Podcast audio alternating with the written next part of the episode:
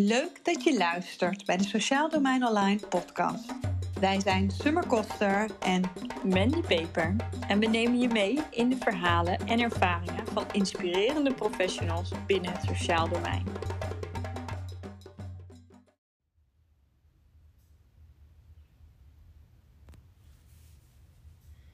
Zo, daar zijn we weer. Dit keer met een, een, een, een, persoonlijke podcast van Mandy en Summer.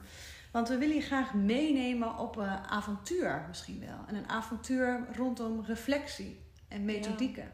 Ja, ja. wat kan dat eigenlijk, reflecteren in teams? Ja, kan dat eigenlijk reflecteren in teams, vraag je. Nou, de afgelopen periode hebben wij heel veel sociale teams gezien. En we hebben jou misschien wel gesproken als professional. En we hebben je, je worsteling ook gezien. De worsteling tussen werkdruk, tussen wat er van je gevraagd wordt. Soms de worsteling van de samenleving, die soms ingewikkelder wordt. Nu ook de worsteling met thuiswerken. Welke rol heb je eigenlijk? Ja. Welke vraagstukken leveren? Welke methodiek moet ik ook toepassen? Misschien allemaal vragen die je herkent. Of ook als je bijvoorbeeld in gezinnen werkt of met meerdere personen werkt. Ja, hoe voorkom ik ook dat ik kant kies? Dat ik partijdig word? Of uh, uh, wanneer heeft iemand wel recht op maatwerk? Wanneer kunnen we iets wel of niet toekennen? Allemaal wezenlijke vragen waar we de hele dag in ons werk mee te maken krijgen. Of het vraagstuk, ja, maar dat kan niet door de regels die er zijn. Want dit kunnen we nou eenmaal niet doen. En daarbij is het antwoord, en dat antwoord geef jij ook eigenlijk altijd, Mandy. Ja, jij als professional kan heel veel. Ja. Er is heel veel mogelijk. Als je maar je ruimte pakt en terug kan komen bij je professionele autonomie. Want vaak is dat wat je denkt dat niet mogelijk is, is vooral wat je denkt dat niet mogelijk is. Je, bent misschien, je hebt misschien niet meer de tijd en de ruimte gehad om stil te staan bij wat vind ik hier eigenlijk van? Hoe kijk ik hier eigenlijk tegenaan? En wat is er nu werkelijk wel mogelijk en wat is er niet mogelijk? En wat wij eigenlijk in het afgelopen jaar misschien wel in, in een vergrote vorm zijn tegengekomen, zijn eigenlijk heel veel teams en professionals geweest die uh, eigenlijk gewoon onvoldoende tijd en ruimte ervaren om nog tot mogelijkheden of oplossingen te kunnen komen. Er was onvoldoende tijd om stil te kunnen staan. En dat terwijl we eigenlijk ook allemaal weten dat de sleutel naar soms doorbraken of goede oplossingen in casuïstiek of dilemma's juist voortkomen uit even stilstaan en reflecteren. Ja. Ja, de kracht soms van uh, stilstaan en reflecteren en hoe die ons juist verder kan helpen, heeft er eigenlijk toe geleid um, dat wij vaker ingeroepen zijn in sociale teams om dat proces ook te begeleiden. Omdat we ook merkten in al deze drukte en misschien ook in het thuiswerken dat mensen dat als eerste laten liggen. Ja, dat, dat komen we natuurlijk aan de lopende band bijna tegen. Hè? Het allereerste wat er gebeurt. Want er zijn natuurlijk heel veel vormen te bedenken. Hè? Wij bespreken veel professionals die bijvoorbeeld zeggen: uh, Ja, wij hebben intervisie binnen het team. Nou, dan zijn wij eigenlijk al hartstikke blij hè? als we horen dat intervisie in elk geval een plek heeft gekregen binnen hoe er georganiseerd is, of dat er in elk geval aandacht voor is. En dan laat toch ook de praktijk zien dat wanneer de werkdruk oploopt of uh, werkstress toeneemt, dat het eerste wat er vervalt is de intervisie. Of wat er gebeurt is dat eigenlijk dat wat we met z'n allen gepland hadden als intervisiemoment toch een verlengde wordt van een casusoverleg of een regulier teamoverleg. Er komen eigenlijk andere zaken aan de orde dan dat waar intervisie eigenlijk voor bedoeld is. Ja, ja. Ja, wij zijn daarin ook een beetje gestopt met, uh, met het intiems uh, intervisie te noemen, maar het meer over methodisch reflecteren. Omdat je merkte dat intervisie soms ook, vooral bij sociale teams, een beetje een lading heeft. Waarbij de ene denkt, ja, het gaat alleen maar over jezelf en intunen. Uh, soms ook een beetje als moedje is ervaren door eerdere opleidingen of ervaringen. Soms ook door onveiligheid in het team. Ja, en ook, we zagen ook dat de behoefte die er is, is groter dan alleen intervisie. Er is behoefte aan verbinding tussen uh, echte reflectie, maar ook een aanvulling in welke methodieken gebruik ik, welke richtlijnen zijn er, welke uh, tips en tools zijn er beschikbaar. Dus de, de vraag die we eigenlijk steeds tegenkwamen was eigenlijk breder dan intervisie Ja. alleen. En daar waar ik net al zei dat intervisie vaak niet de aandacht kreeg die het verdiende, was er dus ook nog een stukje wat eigenlijk überhaupt nog niet werd ingevuld. Of in elk geval niet op een manier werd ingevuld die voelt als eh, dat leren en reflecteren ook gewoon leuk kan zijn. En gewoon heerlijk kan zijn om even 2,5 uur of een dagdeel met elkaar daarmee aan de slag te zijn. Ja. Over het algemeen werd het toch als belastend ervaren.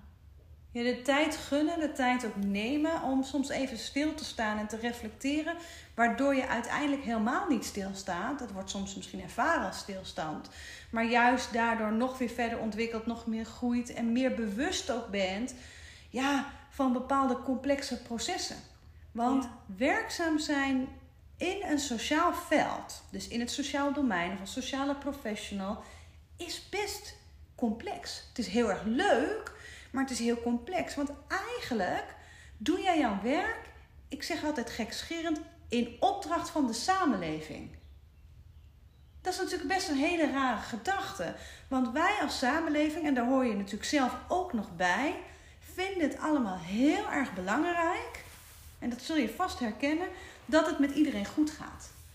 Dat is een soort overtuiging. En, en daarom hebben we ook allerlei systemen bedacht en functies in gesteld. En daardoor zijn, worden we naar voren geschoven, soms als maatschappelijk werker, of als, als, als, als, als thuisbegeleider, of als consulent bij een sociaal team, of als regisseur, of als, als, zelfs nog gedwongen als jeugdbeschermer, of als ambulant begeleider. Er zijn allerlei voorbeelden te bedenken waardoor eh, jij doet wat je doet, omdat wij het als maatschappij heel erg belangrijk vinden dat iedereen kan meekomen naar de wensen en maatstaven die de ander ook graag wil of nodig heeft. Maar dat betekent ook dat je functie en je kwaliteiten en je vaardigheden heel vaak ja, even veranderen. Of veranderen ook of onder een vergrootglas staan. Omdat we als maatschappij nu iets belangrijk vinden. Betekent ook soms dat je het gevoel hebt dat jij verantwoordelijk wordt gesteld voor hoe het gaat met de ander.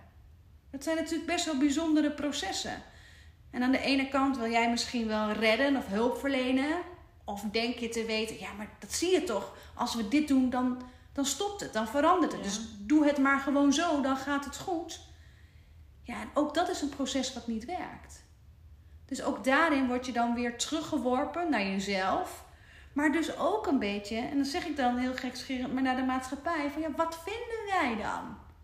Waar sta ik in dit vraagstuk of in deze casuïstiek? Wat wordt er van mij verwacht? En dat is soms heel lastig, hè? Dat stukje waar sta ik en wat wordt er van mij verwacht. Want wat we ook heel veel tegenkomen in de praktijk is dat we eigenlijk allemaal een klein beetje verwijderd zijn geraakt van waar sta ik, wat vind ik hiervan, door welke bril kijk ik eigenlijk naar dit vraagstuk, Eh, vanuit welk stuk in mezelf ben ik hier aan de slag, welk, welk, welk oordeel of welke normen en waarden draag ik eigenlijk zelf bij me en projecteer ik hier bewust of onbewust op vraagstukken die ik tegenkom. En is dat erg? Nou, dat hoeft misschien niet eens per se heel erg te zijn. Ehm, maar we zijn ons er vaak onvoldoende van bewust. En eh, eh, zijn we aan het redden? Of eh, willen we helpen? Of helpen we daadwerkelijk door te helpen? En is de oplossing die jij ziet of die wij zien, is dat ook de oplossing die inwoners zelf zien? Kunnen zij daar ja tegen zeggen? En waarom wel of waarom niet? Heb je ook de ruimte om dat te horen? Of voel je misschien toch ook wel nou, een beetje vastzitten in het systeem, in eh, Richtlijnen. tijdsdruk, richtlijnen. Eh, ik zie vormen, bepaalde vormen van verslaglegging, gespreksverslagen. Zo doen we dat hier, zo, zo hebben we dat hier nu eenmaal afgesproken. Ehm, en dat is, dat is oké. Dat, is, dat is allemaal oké. maar het vraagt om een stukje bewustzijn van wat, wat ben ik hier aan het doen en welke rol heb ik hier? En vanuit welk perspectief beantwoord ik de vragen die ik te beantwoorden heb? En als het gaat om uh, vragen die we ook bijvoorbeeld op hebben genomen in het systeem. Hè, denk dan aan bijvoorbeeld een gespreksverslag of een bepaalde format.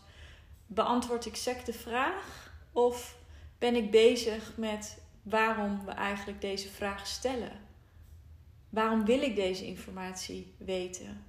En lukt het me ook om mensen mee te nemen in waarom ik dit wil weten? Ja. Heb ik daar nog oog voor in de dagelijkse praktijk?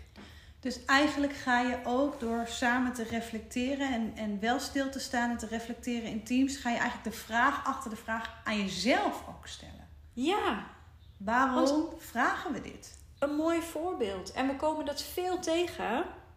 En uh, dat is bijvoorbeeld, en die herkennen jullie onwaarschijnlijk allemaal. De beschrijving over, ik zeg even, het systeem of een gezinssamenstelling.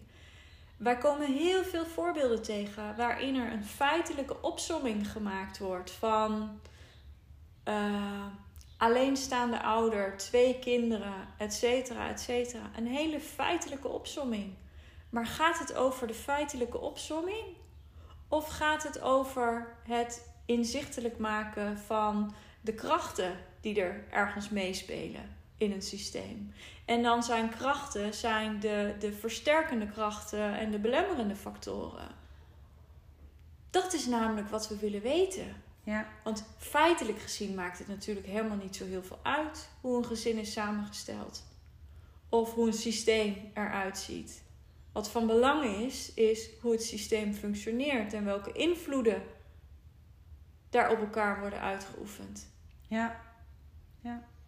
Ja, en, en, en, en daarnaast, dus, dus de professional van nu, uh, nou ja, heeft, heeft best wat te doen, zijn best wat vraagstukken. En voelt zich soms misschien ook regelmatig, nou ja, dat is wat wij in ieder geval horen, misschien herken je dat, gevangen in al die administratieve rompslomp, in die moedlijstjes, in in, in soms wat er allemaal gevraagd wordt. En daardoor vergeet men ook te vragen wat er echt gevraagd moet worden. Ja, ja. Ja wondervragen noemen we het ook wel. Ja, waar wil je graag naartoe? Hoe ziet het eruit als je uh, uh, als deze situatie zich niet voordoet. Stel je voor dat je morgenochtend wakker wordt en uh, de situatie is zoals jij het wil. Of het probleem is, is er niet meer. Ligt even naar welke vraag je dan gaat stellen waar je naartoe wilt. Hoe ziet dat er dan uit? En dat je dat met elkaar gaat beschrijven. En wie helpen jou daarbij? Dat is eigenlijk een veel interessanter gegeven dan een opsomming. Uh, deze mensen wonen in dit huis. Ja, ja, en ook wie ligt er wakker van jouw probleem? Is ook een mooie. Ja, ja. En dit zijn natuurlijk ook wel oplossingsgerichte tools en, en, en, en, en vraagstukken uh, die we onszelf vaker zouden mogen stellen. Ja. is ook een pleidooi om vaker elkaar te bevragen. En ook elkaar in teamsamenstelling of in verband te bevragen op waarom handelen we nu zoals we handelen. Ja. En ook, want dat is het ook, want we hebben het nu eigenlijk, geven we voorbeelden en die gaan dan eigenlijk ook een beetje over waarom is het zo belangrijk om dat voor inwoners te doen. maar ook jij als professional verdient het om die ruimte te hebben om te kunnen reflecteren. Want je hebt nu eenmaal te maken met vraagstukken die je in meer of mindere mate herkent. Of waar je op zijn minst gevoelens bij hebt. Ja. Want het zijn vraagstukken die gaan over nou ja, het leven van andere mensen. En daar heb jij in meer of mindere mate, loop jij even mee en je hebt invloed op dat wat daar gebeurt. Ja. En dat kan een hele, voelen als een hele verantwoordelijkheid. Als jij daarin beslissingen neemt. Ja. En daar soms misschien ook wel buikpijn van hebt. Ja. Of, eh, nou ja, buikpijn, knoop in, je, knoop in je buik. Of, Ja, en je ziet ook wel professionals. En dat is zo mooi als je dit- dit dus eigenlijk reflecteren in teams doet. Want je ziet professionals die dan ook niet altijd durven te uiten dat iets echt op die manier met ze doet. Want Ja. dat voelt misschien als falen.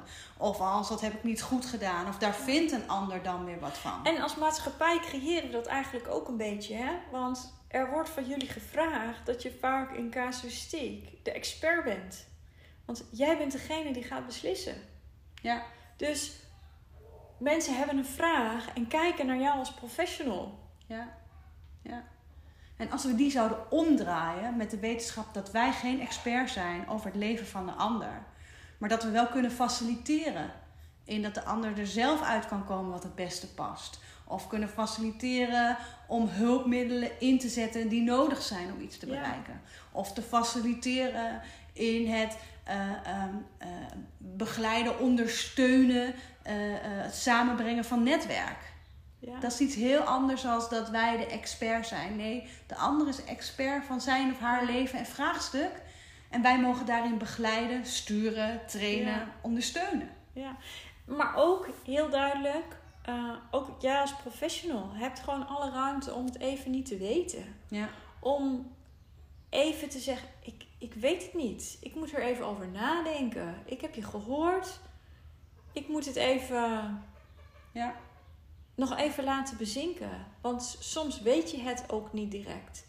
En het zou natuurlijk ook ergens, ergens is het soms ook bizar dat we het van onszelf vragen of verlangen. Want sommige problemen die hebben jaren nodig gehad om, te, om aan te komen op het punt waarop ze bij jou terechtkomen. En dan zouden we van jou als professional verwachten dat jij binnen één of twee gesprekken weet hoe we verder moeten. Je kan het proberen, hè, allicht. Je kan het proberen. Zeker. Maar het is nogal wat, hè, wat we Ja. van jullie vragen. Ja. En als je dan kijkt naar, eh, nou, gewoon de ruimte die er is, de werkdruk die er wordt ervaren, de, de, er is ontzettend veel beschikbaar. Alleen ontbreekt het vaak gewoon aan tijd en aandacht om dat bij elkaar te brengen. Ja. En wat wij in het afgelopen jaar heel veel hebben gedaan voor verschillende sociaal teams, is dus eh, het organiseren van methodische reflectiebijeenkomsten. En eigenlijk hebben we eh, alle ervaringen daaruit meegenomen, maar vooral ook de, ehm, De goed Ja. werkende principes. ja, de werkende principes, maar ook het is door alle professionals als zo fijn ervaren. Mhm. Ehm, en zo omarmd als een feestje in, oh wat fijn. Ik kan, leren kan ook echt fijn zijn. Ja. Wat doen En- wij anders, denk je? Wat doen wij anders? Ja. Ja, goede vraag. Ja. Ik denk dat we echt heel veel reflecteren. Ja. Ik denk zelf, als ik naar ons programma kijk en hoe die opgebouwd is, dat we eh, een situatie creëren om tot reflectie te komen door aan te sluiten bij actualiteiten en bij methodieken, eh, eh, Ja. handige tools die heel erg geschikt zijn voor sociale professionals. En dat kunnen soms oude technieken of tools zijn die ze ooit wel eens een keer op de opleiding hebben gehad, maar wat weer onder in de la eh, eh, zit.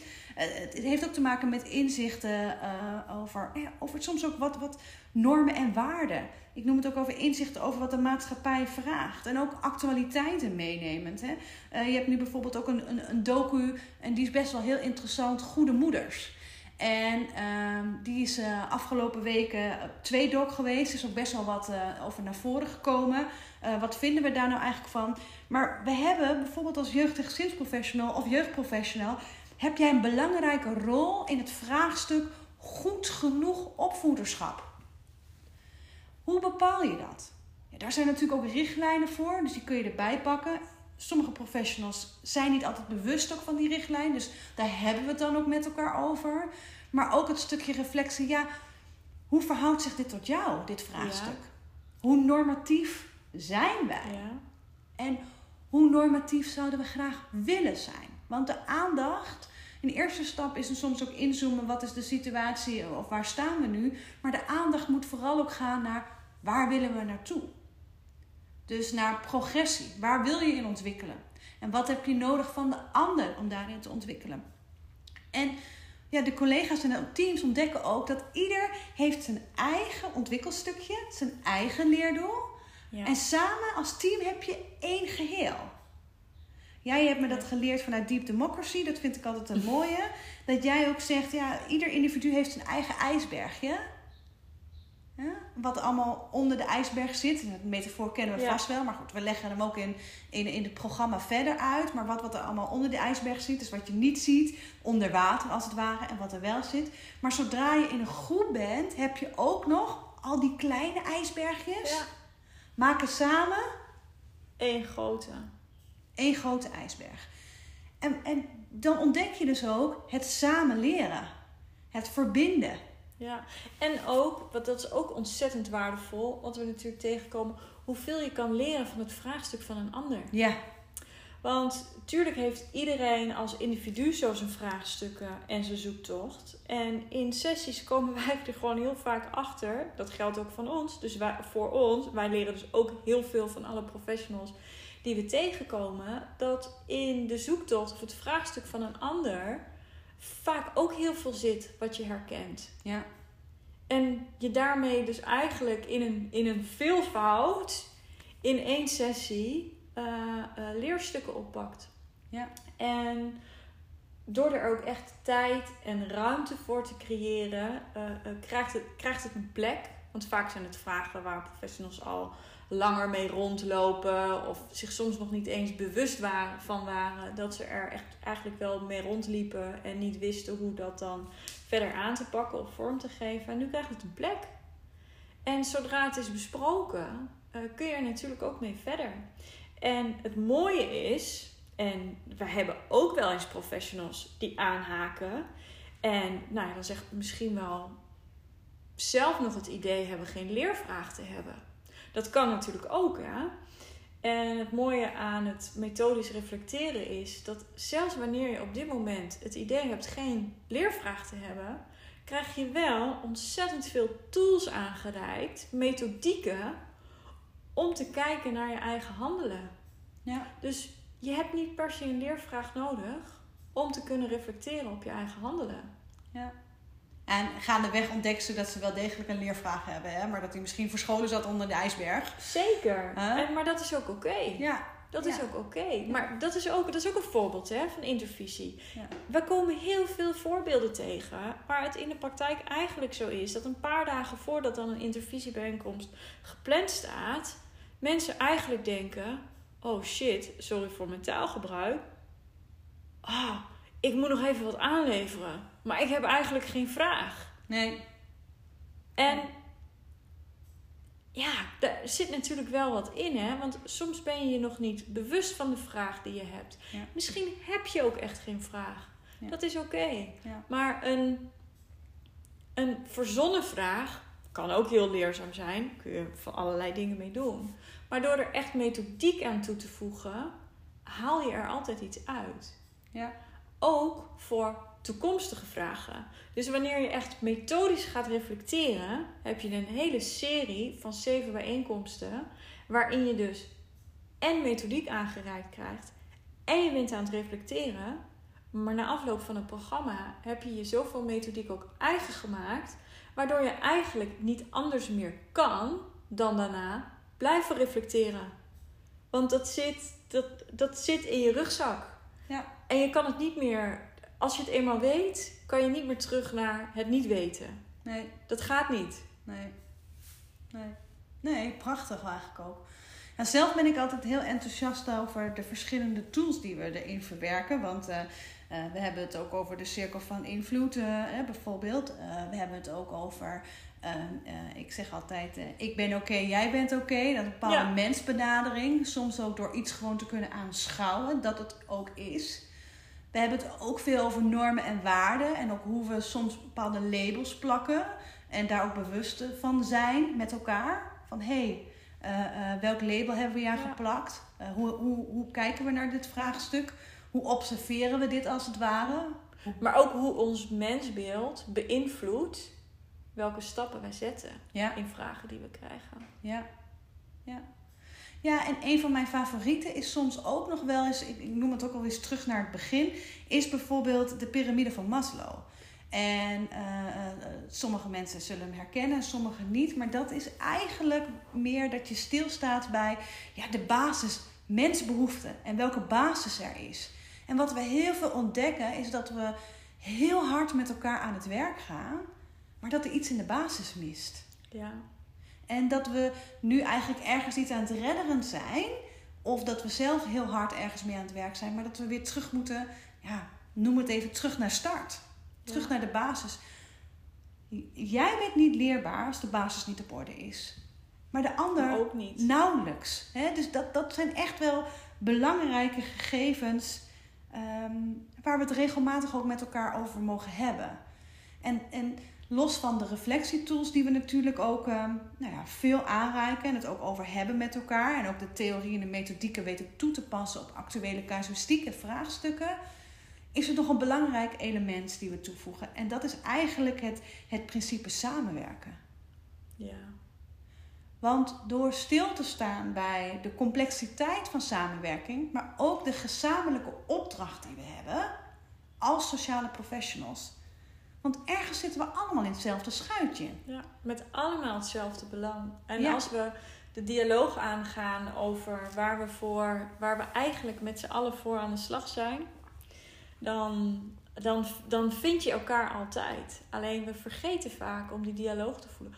Of we hebben het gevoel niet voldoende toegerust te zijn om dat gesprek te kunnen voeren. Ja, Vaak omdat we onduidelijkheid ervaren over vanuit welke rol ben ik nu eigenlijk betrokken in Ja. dit vraagstuk. Dat we het gevoel hebben net niet zeker te weten hoe het zit. ja. Ja, Dat we ons misschien onvoldoende, eh, nou misschien ook wel vertrouwen hebben in onszelf om ergens voor te gaan staan. En dat het dus ook mag om daarop terug te komen als je nieuwe inzichten opdoet. Dus het gevoel van alles moet in één keer goed. Ja, kan dat in één keer goed? In Ja. hele complexe gevallen? Of dat we verwachtingen hebben van onze collega's of van Ja. samenwerkingspartners. Ja, En verwachtingen die niet eens altijd zijn uitgesproken. Of waarvan jij vindt dat die wel eens uitgesproken is, maar de vraag is of de ander hem ook zo heeft gehoord.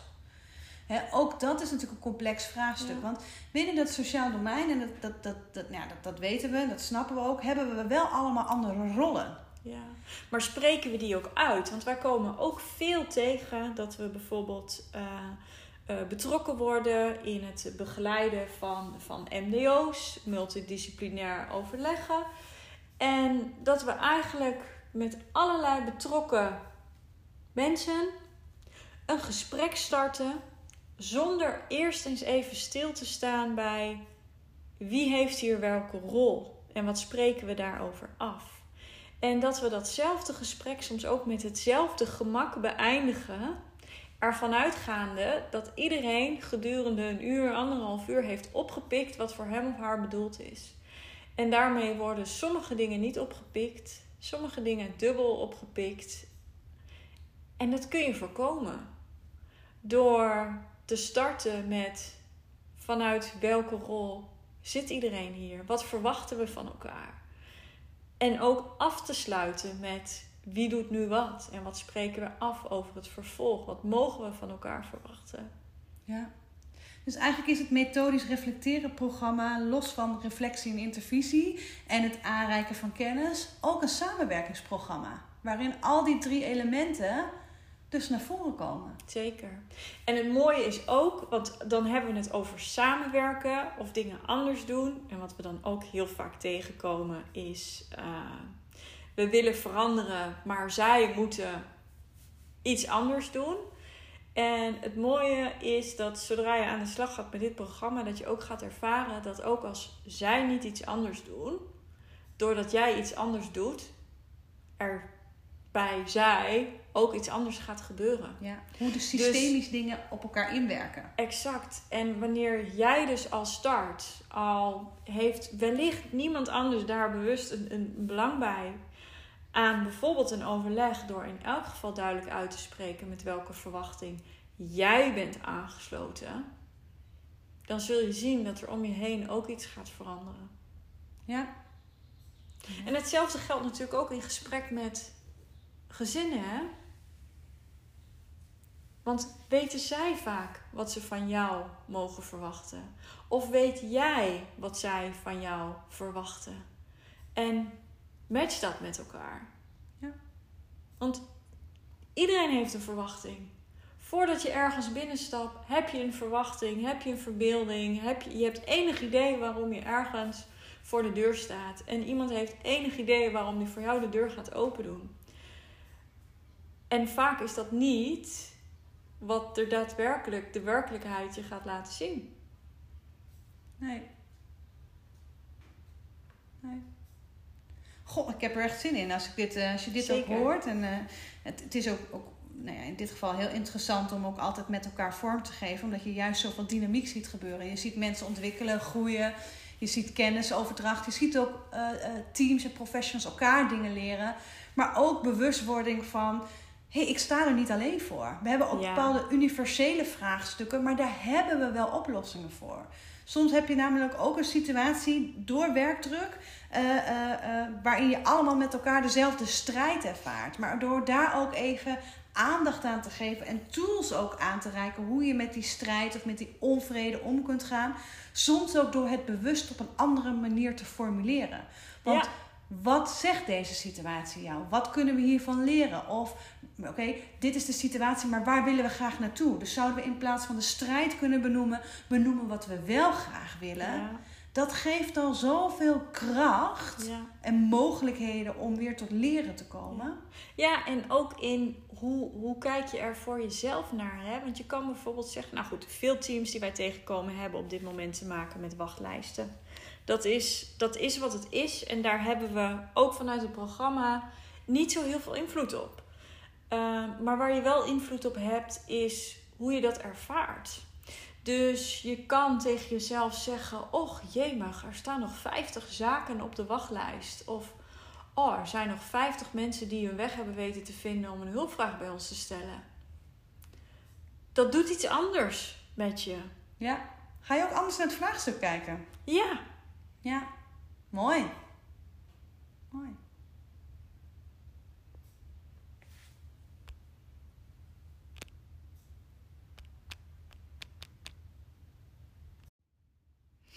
Ben je nu nieuwsgierig geworden naar methodisch reflecteren of geïnspireerd geraakt om samen met jouw team aan de slag te gaan? Kijk dan op www.sociaaldomeinonline.nl slash methodisch reflecteren. We hopen je geïnspireerd te hebben. Wil je meedenken, meepraten of meer informatie? Volg ons op social media of ga naar sociaaldomeinonline.nl.